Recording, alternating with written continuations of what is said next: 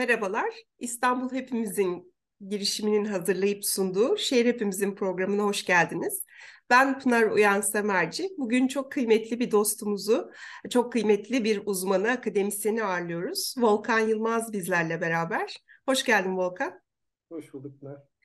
Ee, çok kısa Volkan'ı tanıtmak istiyorum. Sonrasında bugün zor bir konuyu aslında sağlığı, sağlık politikalarını konuşacağız. Volkan Yılmaz Dublin City Üniversitesi'nde orada hukuk ve siyaset bilimi okulunda kamu politikaları öğretim üyesi olarak çalışıyor.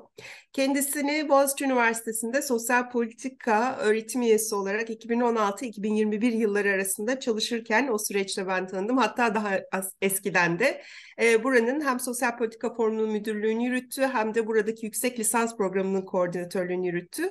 Uzmanlık alanları aslında daha geniş. Kamu politikaları, karşılaşmalı sosyal politikalar, sosyal politika reformları e, çalıştığı, yazdığı alanlar. E, bugün ama e, çok zor bir konuyu dediğim gibi sağlık politikalarını beraber konuşacağız. E, hem dünyada hem Türkiye'de içinde yaşadığımız, içinden zorlukla geçtiğimiz pandemi dönemi belki her birimizi bu konuda daha çok e, farkındalığını yükseltti, daha çok düşünmeye itti.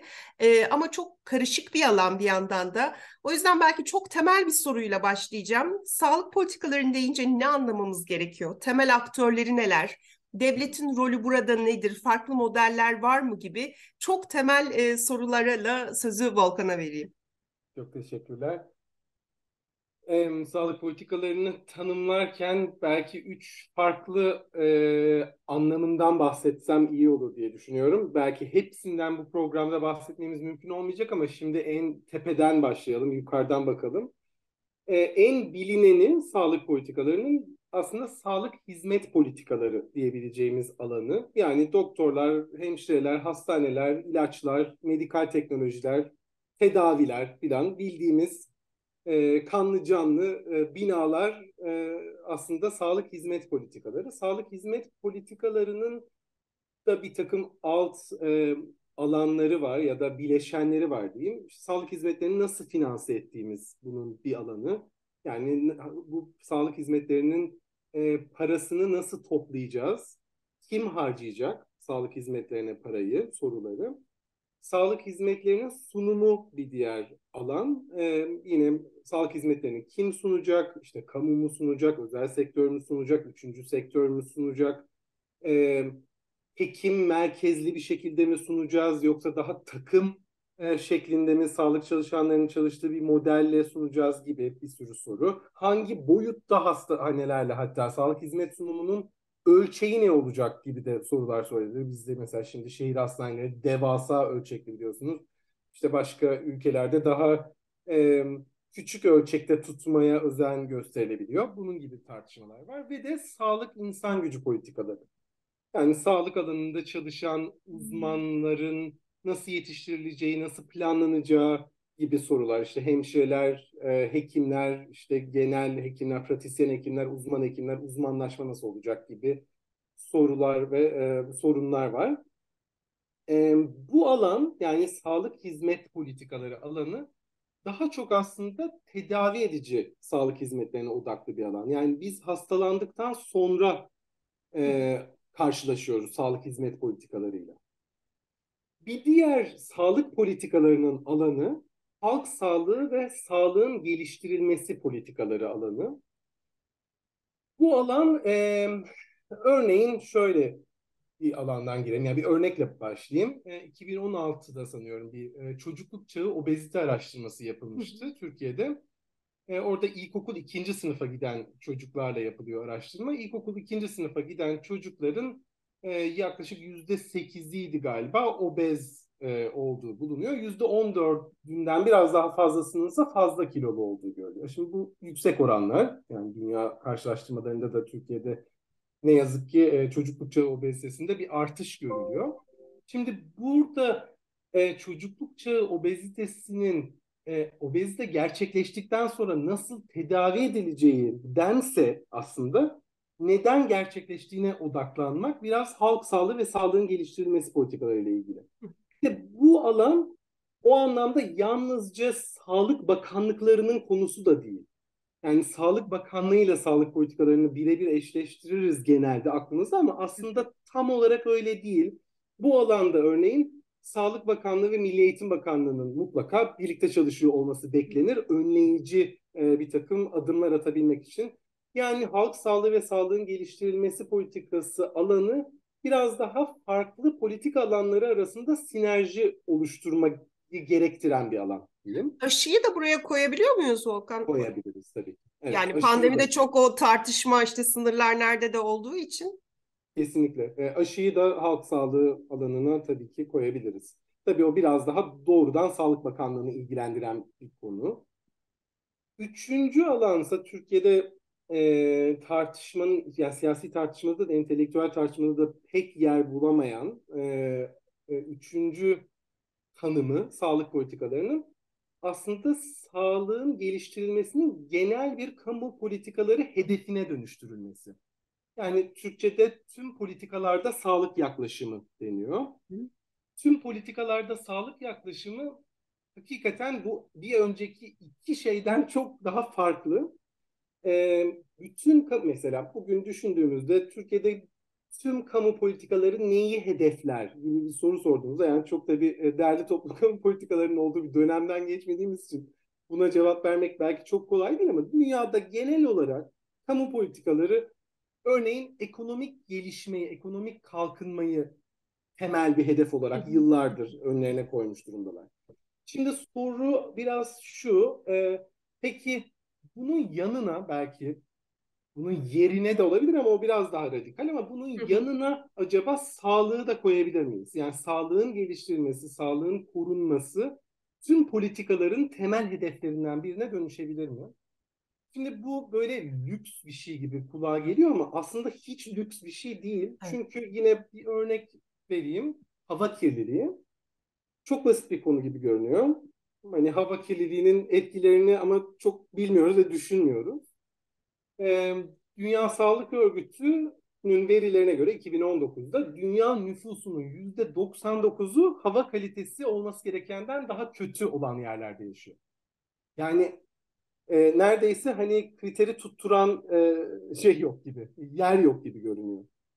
Ve e, Dünya Sağlık Örgütü'nün yine e, yaptığı bir hesaplama hava kirliliği nedeniyle yaklaşık 7 milyon insanın her yıl hayata erken veda ettiğini e, buluyorlar.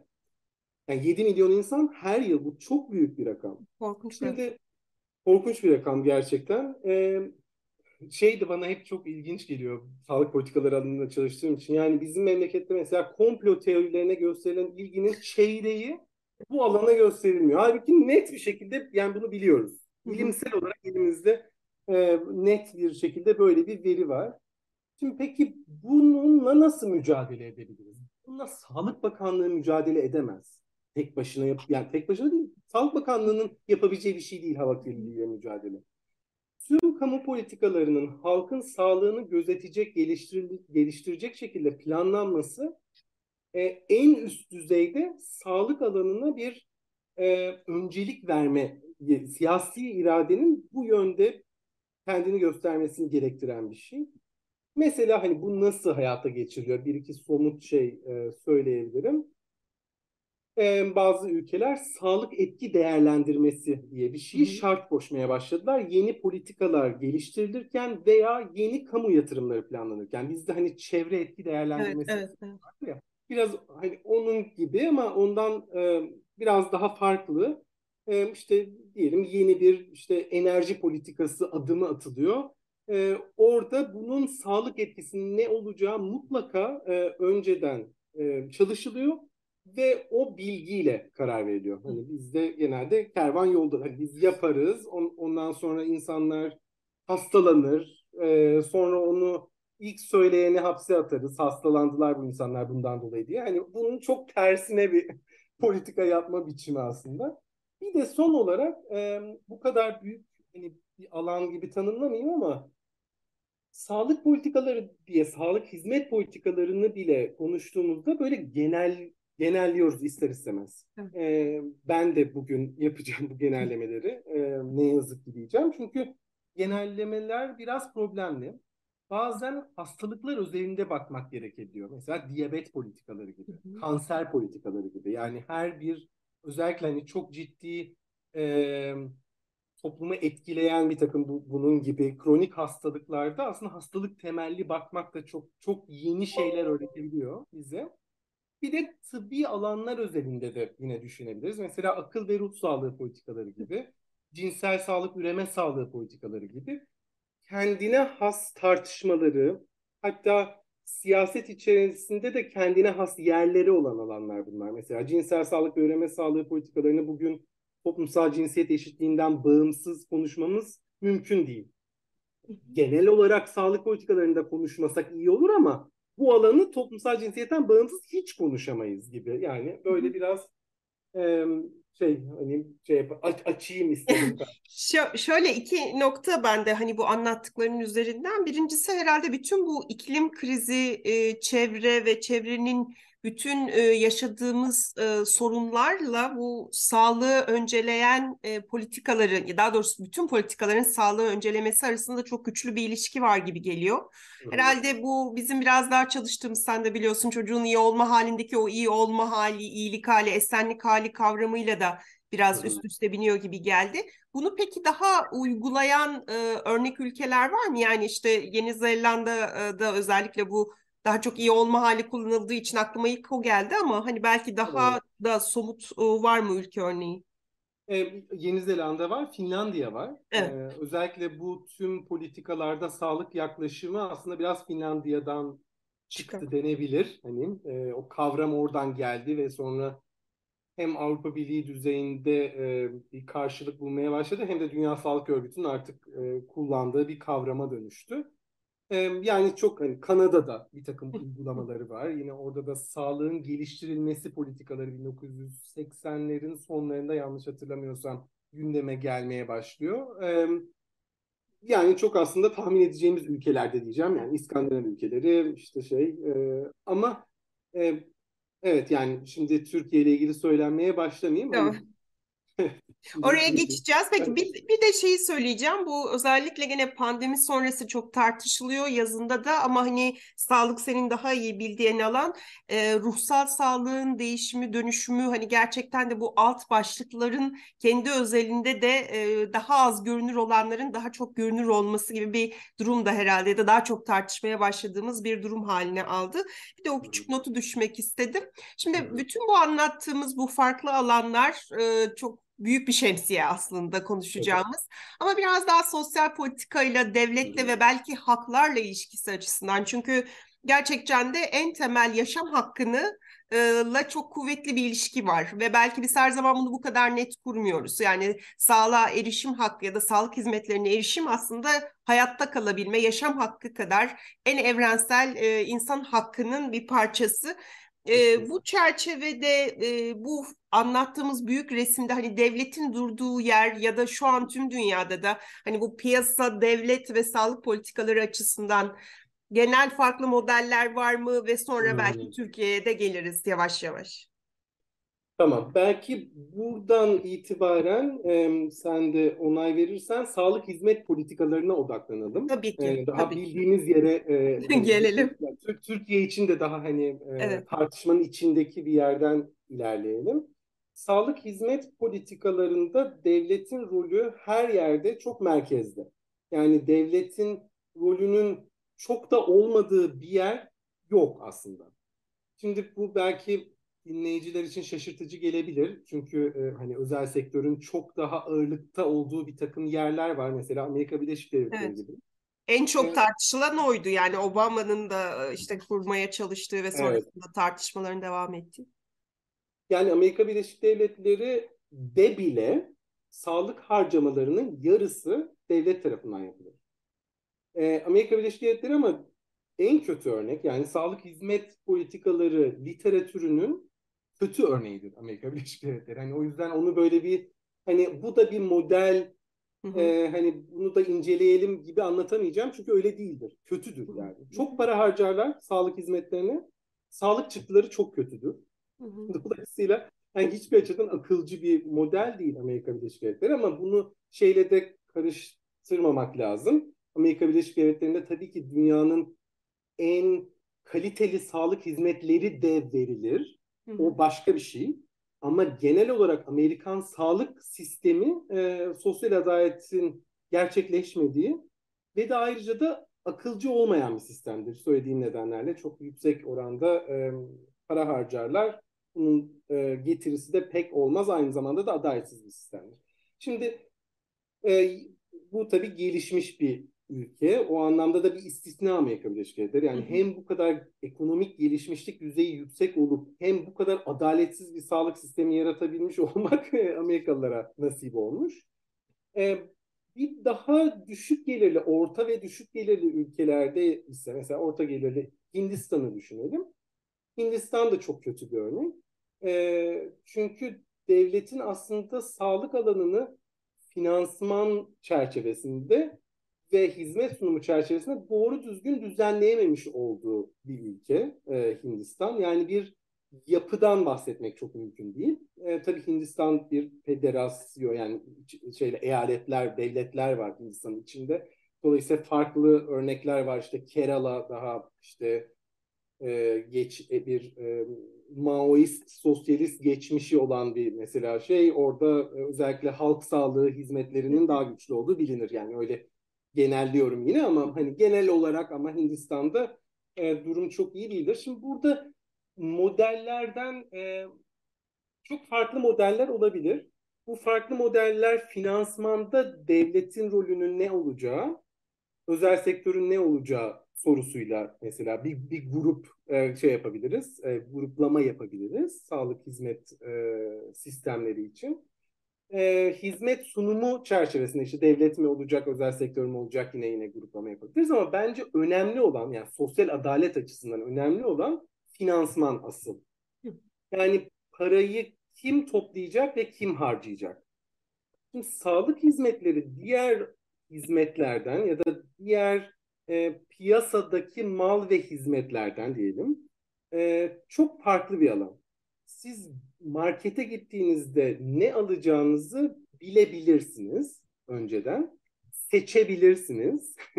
Ama sağlık hizmetlerine ihtiyaç duyduğunuzda bir e, bir genellikle bir e, ihtiyaç durumu hasıl olmuştur. İkincisi gittiğiniz yer size ne almanız gerektiğini söyler. Yani çok tuhaf bir hani piyasaya uygun bir ilişki değil bu. Güvene dayalı olmak zorunda olan bir ilişki. Yani satıcıya gideceksiniz. Satıcı diyecek ki size sen bunu al, sonra da bunu al, sonra da bunu al. Bu normalde bizim piyasa ilişkisinde kabul edebileceğimiz bir şey değil. Yani öneri yapabilirler ama e, bunu almazsan ölürsün gibi bir şey olmadığı için. E, ama sağlık alanı böyle bir alan. O yüzden sağlık alanının, sağlık hizmetlerinde hastayı hizmet verenin karşısında yalnız bırakmamak çok önemlidir.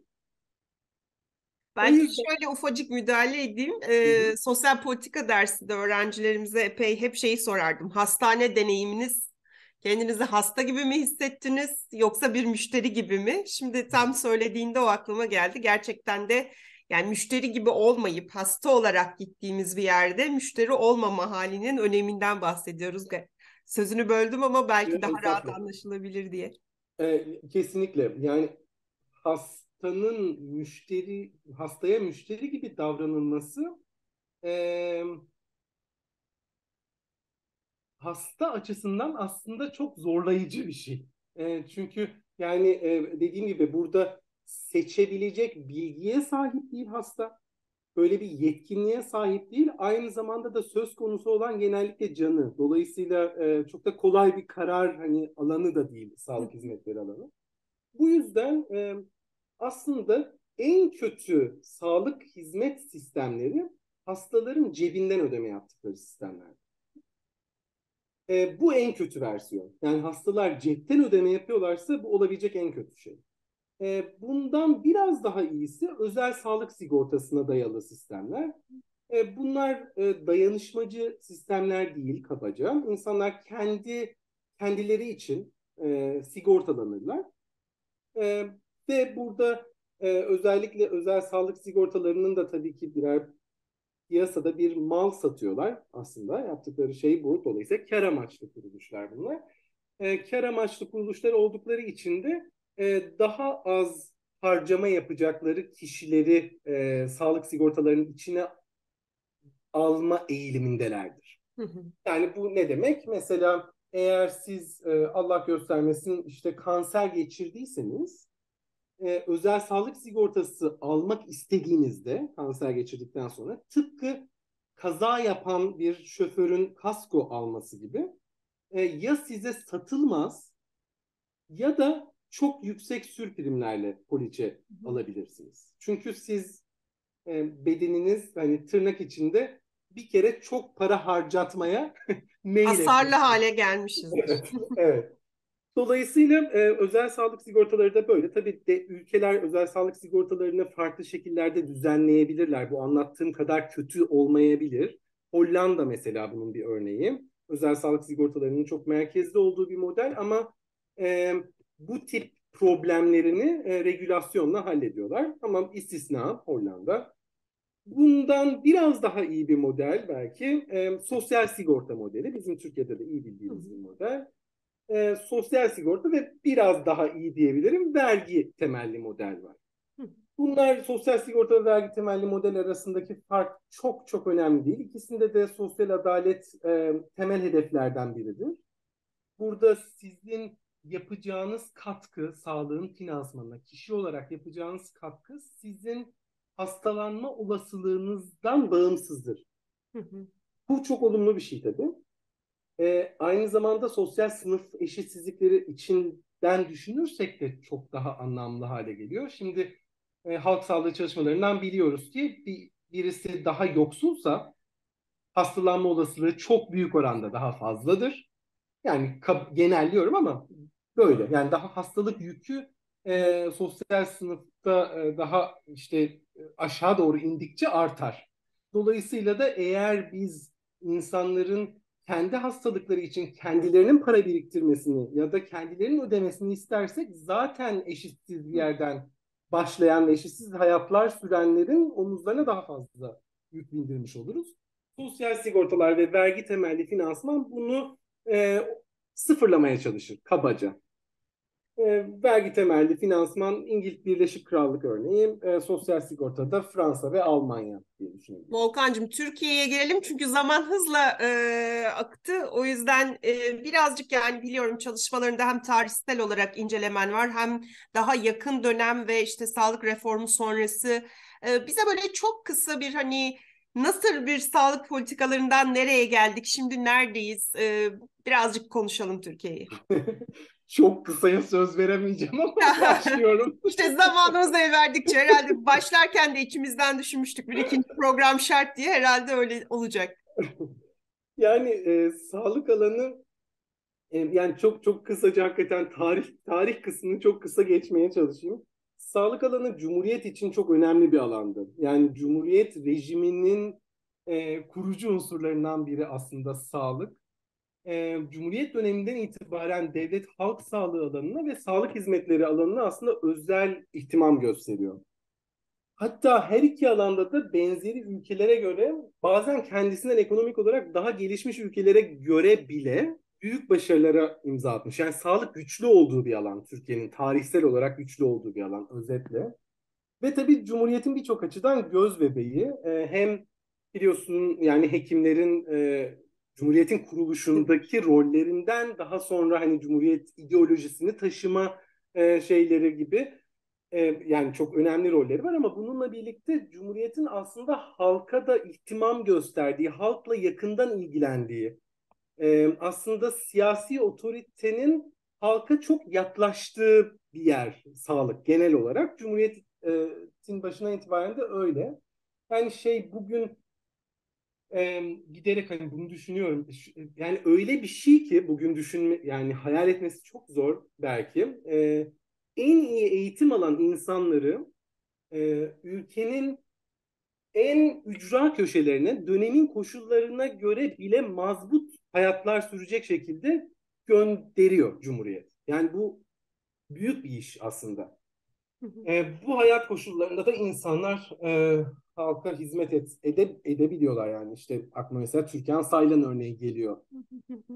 e, burada e, 1960 yani bizde e, hangi sağlık sistemi modeli olacak sorusu uzun yıllar bir soru olarak kalıyor. Ee, bir şey 1960'larda bir e, sağlık hizmetlerinin sosyalleştirilmesi diye bir e, model ortaya konuyor. Çok o zaman için önemli bir model. Aslında yapılmaya çalışılan şey koruyucu ve önleyici boyutu güçlü bir sağlık sistemi kuralım. E, ve de bu da e, herkese eşitlikçi biçimde de e, hizmet sunabilsin. E, vergi temelli de bir finansmana dayansın diye düşünülüyor. O zaman için modelin kurucusu e, Nusret Fişek, e, enteresan bir insan. Nusret Hoca işte Kabataş Erkek mezunu, İstanbul Üniversitesi mezunu, Harvard mezunu filan bir hekim. Ondan sonra siyasi açıdan da ilginç. E, Atatürk Düşünce Derneği'ni kurmuş, İnsan Hakları Derneği'ni kurmuş. Ondan sonra e, sosyalizasyon bizde birinci basamak sağlık hizmetleri, sağlık ocakları diye eskiden bildiğimiz şeyi e, beraberinde getiriyor. Buna paralel olarak 1940'lardan itibaren de sosyal sigortalar Türkiye'de kurulmaya başlanıyor. Emekli sandığı, sosyal sigortalar kurumu işçiler için. Ve nihayet 1970'lerde biraz geç kalınmış bir şekilde de esnaf ve sanat sanatkarlar ve diğer bağımsız çalışanlar için sosyal sigortalar kurumu Bağkur kuruluyor. Ve hastanelere de baktığımızda e, kamu üniversite hastaneleri var, SSK hastaneleri var ve devlet hastaneleri var. Bu reformdan önce 2003'teki sağlıkta dönüşüm programından önceki genel hani görünüm bu diyebilirim. Ee, yani eh, burada hani bir tek böyle şey arada eklemek isterim. Benim 2017'de çıkan Türkiye'de sağlık reformunun siyaseti kitabım İngilizce ne yazık ki henüz Türkçesi yok e, orada şunu anlatmaya çalışıyordum. Aslında siyasi elitlerin yani rekabetçi demokrasinin bize bir hediyesi aslında sağ, Türkiye sağlık sistemi. Bu kadar hani olumlu konuştuğun bir sürü sorunu da vardı tabii ki ama karşılaştırmada olarak baktığımızda Amerika Birleşik Devletleri'nden çok daha iyi bir sistem kurulmuş örneğin. Hani bunun başarılmasını biraz e, demokrasiye borçluyuz o dönemde. Sonra darbe, 1980 darbesi ve sonrasında e, birçok şey değişiyor. Kamucu anlayış tabii aşağılanan bir şey haline geliyor. Belki en büyük değişim o dönemde bu. Kamucu olmanın, kamuda çalışmanın aptallık gibi görünmeye başlandığı bir dönem. Ne yazık ki. Ee, bir takım yani çok çok çok önemli değişimler yok. Bir tane önemli değişim o dönemlerde Yeşil Kart programı. Ee, aslında o da eski sistemin problemini gösteren bir gelişme. Eski sistemin bir problemi şuydu, bir kapsam sorunu vardı. Şunu varsayıyordu eski sistem. Her hanede bir kayıtlı çalışan vardır varsayımı vardı. Türkiye gibi informal piyasanın bu kadar yüksek olduğu bir yüksek yerde. Yüksek oldu ve tabii giderek de informal piyasanın büyüdü. kemikleştiği diyeyim. Evet. evet e, o orada yeşil kart aslında e, sigorta kapsamı dışında kalan nüfusa yalnızca ameliyat durumuna gelen hastalıklar için finansal güvence sağlıyordu. Yani olumlu bir gelişme ama çok yetersiz bir gelişme. Bir diğer problem de eşitsizlik sorunu.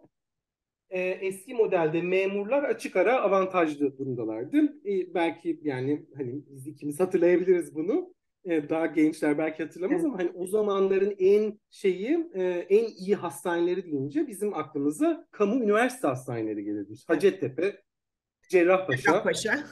Tabii. Yani buralara doğrudan gidebilenler memurlardı. E, işçiler e, SSK kuyruklarında diyelim genel olarak e, bağ kurulularda genelde borç içindelerdi. Böyle bir şey vardı. Yani hatta senin bunun üstüne de bir makalen var diye doğru hatırlıyorsam evet. yani bu daha mesleğe daha doğrusu sigorta olduğunuz kurumlar üzerinden yaşanan eşitsizliklerden bir geçiş ama daha sonra oluyor değil mi süreç? Evet. Evet. Sonra reforma istersen gelelim. Evet, evet. Yani reformun üzerine 10 yıldan fazla çalışıyorum. 3 gün konuşabilirim. ama tamam bir sonraki programa kadar diyeyim. Yok ama yani hani genel olarak işte burada ne reform dediğimiz ne? En büyük belki evet. şeyini söylemek. Değişim ee, dönüşümü. Yine hani sosyal adaleti merkezde tutup anlatmak isterim. Yani o, o kısmı daha önemli ve hepimizi daha çok ilgilendiren kısmı belki. İddia şu, 2003'te reform başlıyor. 2002'de Adalet ve Kalkınma Partisi'nin iktidara gelişiyle e, o yani 2002 seçimlerinde bir vaat aslında. Dolayısıyla hani 2002 e, seçimlerinin gündemlerinden biri sağlık reformu. 2003'te de reform başlıyor. E, Dünya Bankası ortaklı bir reform. Dünya Bankası'ndan ciddi bir know-how desteği alınıyor o dönemde. İddia şu siyaseten sağlık hizmetlerine erişimde tüm vatandaşlar eşitlenecek. Vaat buydu. Hı hı. Ve sağlık hizmeti alma koşulları da hepimiz için iyileşecek. E, bu iki e, vaatle şeye girildi. E, burada çok kabaca neler yapıldığını hani anlatayım. Genel sağlık sigortası kuruldu ve bütün bu bahsettiğim o üçlü yapı tekli bir yapıya kabaca çevrildi ve hepimizin artık e, sigorta kapsamı eşit vatandaşlar olarak. Öyle bir şey sistemi yok. E, işte onlar oraya gidebilir, bunlar buraya gidemez gibi bir şey yok kabaca. Özel hastanecilik desteklendi. Bu çok önemli bir e, e, boyutu reformun. E, özel hastanecilik çok ciddi oranda gelişti. Yani özel hastane reform öncesinde Anadolu'nun çok büyük kısmında hiç olmayan bir şey. Hiç olmayan. Çok lüks bir şey ve çok az bir şey aslında. Ama bugün özel hastaneler hayatımızın yani olağan bir parçası haline gelmiş durumda. Bu reformun bir sonucu e, ilginç gelişmelerden biri özel hastanelerin genel sağlık sigortası finansmanı ile vatandaşlara hizmet etmesi sağlandı. Bu ne demek? Genel sağlık devlet yani biz e, sosyal sigortalılar olarak özel hastaneye gideceğiz vaat oydu. Tıpkı devlet hastanesinden hizmet alır gibi hizmet alacağız. Bir diğer e, şey de vurdu. Bu biraz oldu da bir dönem oldu yani hiç olmadı değil ama bugün hiç orada değiliz. E, Sağlık Bakanlığı bütün e, hastaneleri kendine bağladı, kamu üniversiteleri dışında. E, burada bir takım yenilikçi uygulamalara gitti. Mesela hekimlerin daha kısa sürede daha fazla hastaya bakmalarını gerektirecek performans uygulamaları gibi. Hı hı. E, bununla birlikte hastanelerin de devlet hastanelerinden bahsediyorum. Aslında biraz piyasa gibi çalışma, piyasa yani bir özel sektör kuruluşu gibi çalışma mantığına geçmelerini de e, beraberinde getirdi reform. Bu ne demek? Mesela Sosyal Güvenlik Kurumu e, her işlem için belirli bir bedel e, belirliyor her yıl. Diyelim katarakt ameliyatı işte şu kadar e, devlet hastanelerinin de bu gelir giderlerini Sosyal Güvenlik Kurumu'ndan e, edinecekleri gelir giderlere göre kendilerini organize etmeleri beklenmeye başlandı. Bu çok değişik bir çalışma mantığı eskiye oranla. Eskiden işte ne bileyim bir para geliyor, bütün sene için geliyor filan. Hani şimdi burada e, hangi işlem daha çok hastaneye gelir getirecek diye bir soru var ve onun cevabı var yeni modelde. Devlet hastanesi için bile var bunda. Sen buna bir de girişimci gibi diyorsun galiba değil mi? Yani de bir tür girişimcilik mantığının devletin de sağlık alanına girmesi. yani aslında şey için biraz onu e, şehir hastanelerinin kuruluşuyla ilgili evet. e, hani söylüyorum ama burada da işletmeci gibi diyeyim. Girişimci evet. işletmeci gibi düşünme hani pratiği devlet hastanelerinin içine girmiş oluyor. E, bir de tabii bunlarla beraber belki hani çok e, insanların çok dikkat etmediği ama e, bence memnuniyeti büyük oranda yaratmış olan çok basit değişiklikler oluyor sağlık sisteminde. Mesela e, telefon ve internet üzerinden randevu alınabilmesi. E, bu isim şeylerin, isimlerin e, yani sıranın bir ekrandan takip edilebilmesi. Yani kuyruk yok diyoruz da hani kuyruk var aslında. Kuyruk olmaz olur mu? Her türlü kamu hizmetinde kuyruk olur. Kalabalık bir ülkeyiz biz. Ama kuyrukta beklemiyoruz fiziksel olarak. Yani o anlamda hani kuyruklar bitti dedim ya hep. kuyruklar hani dijitalleşti biraz ama bu tabii çok ciddi bir memnuniyet yarattı falan. Böyle kabaca böyle. E, 2003'te başlıyor reform. 2010'ların başına kadar aslında yani 2007 seçimleri, 2011 seçimleri e, Adalet ve Kalkınma Partisi'ne gösterilen ilgiye çok ciddi katkıda bulunuyor sağlık reformu ve bunun yarattığı memnuniyet diyeyim. Hı hı.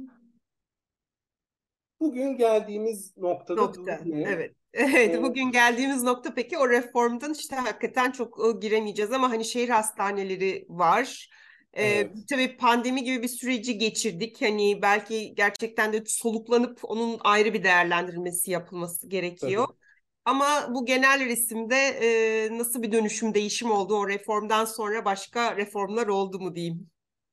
E, aslında şehir hastaneleri bugün hani üzerinde çok duramayız ama reformun çok başında e, mevcut olan bir şey değil. Yani şehir hastaneleri 2010'ların ortalarında başlamış bir proje. Evet. E, tırnak içinde ustalık projesi diyelim.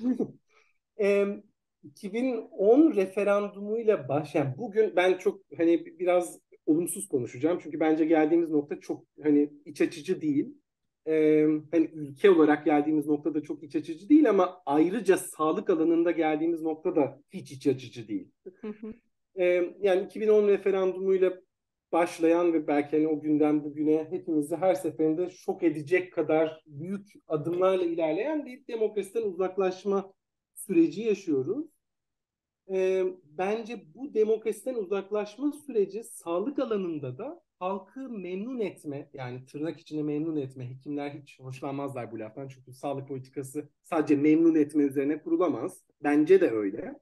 Ama eski e, yani bu demo, daha demokratik olduğumuz dönemde diyelim, demokratik olduğumuz dönemde halkı memnun etme diye bir e, hedef vardı siyasi iktidar için. Bence 2010'dan sonra giderek o hedef e, gündemden düştü. Bugün öyle bir hedef yok bence. E, ülkenin genel siyasi sisteminin demokrasiden uzaklaşmaya başlamasına ek olarak e, sağlık siyasetinin de başat aktörleri değişti. Biraz yine kitapta anlatıyorum bu Türkiye'de sağlık reformunun siyaseti kitabında. Mesela Sağlık Bakanlığı Türk Tabipleri Birliği ile görüşme gereği duymuyor artık. Şimdi bu kabul edilebilir bir şey değil. Siyasi farklılıklar başka. Ama sağlık alanının bu iki önemli aktörünün arasında bir diyalog olmaması gerçekten yani bu olacak iş değil. Ama mesela buna karşın diyeyim özel hastaneler ve sağlık kuruluşları derneği var. OHSAT her zaman sıklıkla bir araya geliyor Sağlık Bakanlığı'yla. Gelmesin demiyorum. Özel hastaneler önemli bir aktör şu anda ama yani Tabipler Birliği'nin hiçbir diyalog kanalının kalmadığı bir durumda e, özel hastanelerin bu kadar e, sıkı bir diyalog içinde olmaları bana sorarsan endişe verici bir şey. E, sağlık sisteminin gidişatı ile ilgili.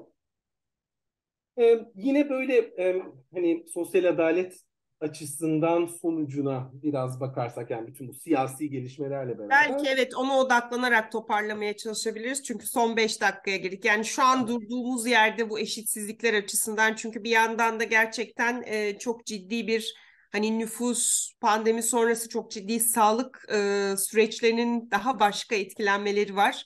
E, evet. Orada ne görüyorsun? Nasıl değerlendiriyorsun? Yani aslında 2013'te ben şey iddia etmiştim. Demiştim ki Türkiye'de sağlık hizmetlerine erişimde evet memur, esnaf, işçi arasındaki eşitsizlikler kalkıyor ama yerine gelir temelli eşitsizlikler geliyor. Hı hı. O zaman çok şaşırtıcı bulunmuştu bu iddia. Hiç öyle şey olur mu? Ee, sistem bunu imkansız kılıyor denmişti ama bugün bence tam da bu oluyor. Bunu birçok yerden görebiliyoruz. Mesela cepten harcamaların toplam sağlık harcamaları içindeki oranı yükseliyor 2010'lardan beri e, %15'in üzerine çıktığında Dünya Dünya Sağlık Örgütü e, tehlikeli buluyor e, bu artışı. Yani cepten harcamalar bu kadar olmamalı diyor. Biz %18'ler civarına gelmiştik 2-3 sene önce. Hı hı. E, ve mesela özel sağlık sigortalı kişi sayısı inanılmaz hızla artıyor. 2010 yılında 1 milyonun altındaydı bu sayı. Bugün 6,5-7 milyon. Şimdi Türkiye nüfusu için hani çok değil gibi düşünebilir ama yani ben İrlanda'da İrlanda nüfusu kadar insan demek bu. Yani 6,5 milyon insan güya harika bir sağlık reformunun sonunda özel sağlık sigortası alma gereği duymuş. Yani bu bence bir bize bir şey söylüyor. Ee, bir de tabii hastaları e, epeyce e, özellikle özel hastanelerin karşısında güçsüz bırakmış durumda bence. E, Sağlık Bakanlığı ve Sosyal Güvenlik Kurumu e, ücret alınmayacağı söylenen birçok e, tedavi ve teşhisten e, ücret alınıyor. E, ve bunun yani yasal olmayan ücretler alınıyor şu anda. Çok sıklıkla e, Sosyal Güvenlik Kurumu'nun e, bu süreçlere dahil olması lazım. Son olarak bir de hani şeyi ekleyebilirim. Bir diğer beni çok endişelendiren şey sağlık çalışanlarının durumu. E, yani neyse şey e, e, yani bir şiddet meselesinden bahsetmemiz lazım. E, 2021'de galiba yani 300 küsür sağlık çalışanı şiddet kurbanı olmuştu. Bu beyaz kod diye bir şey var sağlıkta şiddeti bildiren. E, beyaz kod bildirim sayısı böyle 30 bin civarında filan. Yani 30 bin kez şiddet tehdidi ya da hani gerçekleşmesi oluyor. Yani bu korkunç bir rakam. Bir de bunun üzerine zaten işte hekimleri demediğimizi bırakmadı. Yani biz değil ama siyasi iktidar. Ve bunun sonunda da 2018 yılından beri her yıl yaklaşık bin hekim ülkeden gidiyor. Bu çok büyük bir rakam. Yani bunun sonuçlarını hep birlikte yaşayacağız. Ee, zaten Türkiye Avrupa ülkelerine göre nüfusa göre hekim sayısının düşük olduğu bir ülke. Zaten bütün model hekimlerin sırtında. Yani hekimler çok çalıştıkları için hala kötü. Ortada bir e, kamu sağlık sistemi var diyebilirim. Ve hani mesela 80 bin galiba toplam uzman hekim Türkiye'de 80 bin. Her yıl bin hekimin ayrılması ne demek Türkiye'den? Yani inanılmaz inanılmaz bir rakam. E, dolayısıyla hani böyle biraz olumsuz bir yerde bıraktım ama durum bu bence. Çok teşekkürler. Ee, hayır sayılar zaten kendi başına konuşuyor. Hani üzerine yorum yapma, daha fazla tartışmaya gerek kalmayacak kadar aslında çok çarpıcı e, verileri bizle paylaşmış oldun. E, süremizi aştığımız için e, artık toparlayacağım. Ama bir de bütün bunların üzerine tabii içinde yaşadığımız pandemi ve pandeminin sonrasını da belki başka bir programda konuşmak üzere. Şunu söylemedim aklımda kaldı dediğim bir şey varsa eklemek istersen gene son sözü vermek isterim.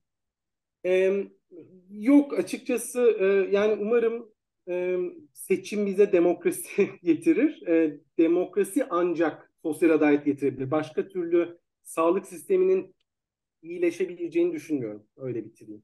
Ee, biz de hep eğitim politikalarını özellikle çocuk alanında konuşurken yani herkesin eğitime erişmesi ama aynı zamanda kaliteli eğitime, e, eşit bir eğitim koşuluna sahip olması sağlıkta bu gene aynı derecede önemli. Herkesin, her bireyin, her insanın e, sağlık konusunda verilen, gösterilen hizmetin kalitesinden, tedaviden endişe etmeyeceği bir yaşam e, tüm ülkede olan, tüm dünyada olan her insan için bir temel hak aslında. E, bunu konuştuk bugün. E, zor bir konuyu konuştuk. Çok teşekkür ediyorum zaman ayırdın. E, Dublin'den bize katıldın. Herkese iyi haftalar diliyorum. İyi haftalar.